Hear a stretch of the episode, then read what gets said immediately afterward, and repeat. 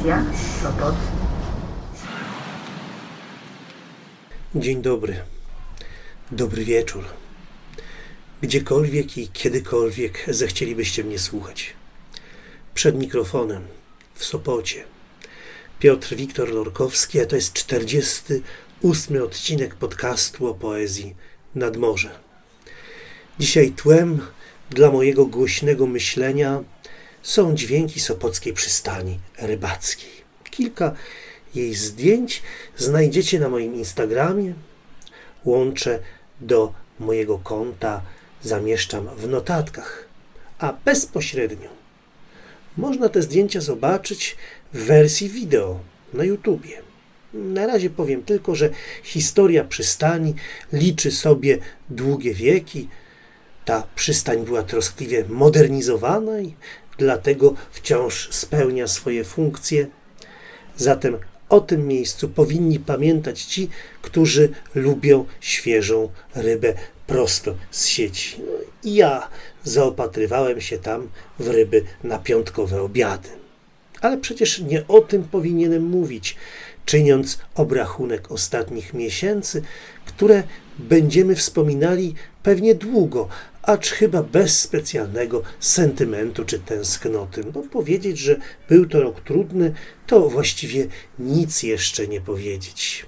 Dla mnie ten rok byłby jeszcze trudniejszy, gdyby nie nadmorski projekt podcastowy, wciąż rozwojowy, projekt, który ma w sobie to bardzo cennego, że daje mi możliwość spotykania się z wieloma autorami i z całym mnóstwem wierszy, często znakomitych, e, często inspirujących. Dlatego już w tym miejscu dziękuję poetom, którzy włączyli się w to, w to przedsięwzięcie.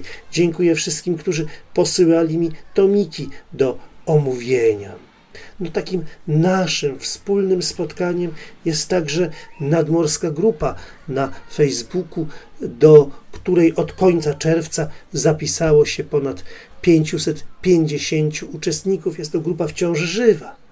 Takim spotkaniem dla mnie były także obie letnie antologie wierszy czytanych. Tu zapraszam wszystkich do tworzenia kolejnej takiej antologii. I bardzo bym chciał, żeby nadchodzący rok był także rokiem spotkań, rokiem rozmów, rokiem wartościowych prezentacji.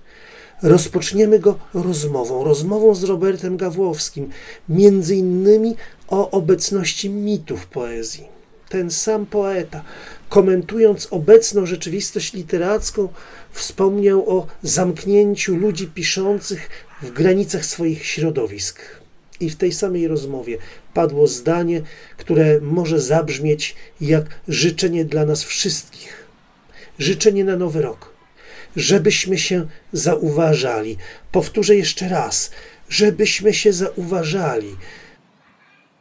Bo zauważając się, zaczniemy się komunikować, a komunikując się, może choć trochę się zrozumiemy. Z taką też myślą kreślę dalsze plany, czy to odcinków z przeglądami prasy literackiej, czy to plany uruchomienia recenzenckiego wideokastu, czy też zaproszenie członków grupy na poetyckie Jamesation Online. Ten rok, jak wiemy z różnych informacji, z różnych doniesień, zabrał nam wielu ludzi. Do tej listy wypada mi dopisać zmarłą tuż przed Wigilią Zenonę Wilczewską, znaną lepiej w trójmiejskim środowisku artystycznym jako Zaza Wilczewska. Była poetką, autorką prozy.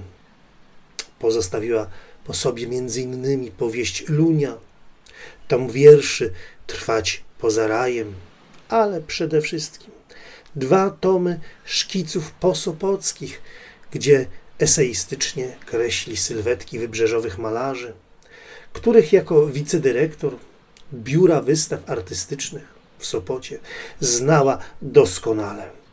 Mam nadzieję, że tam, gdzie teraz jest, może cieszyć się najpiękniejszymi obrazami.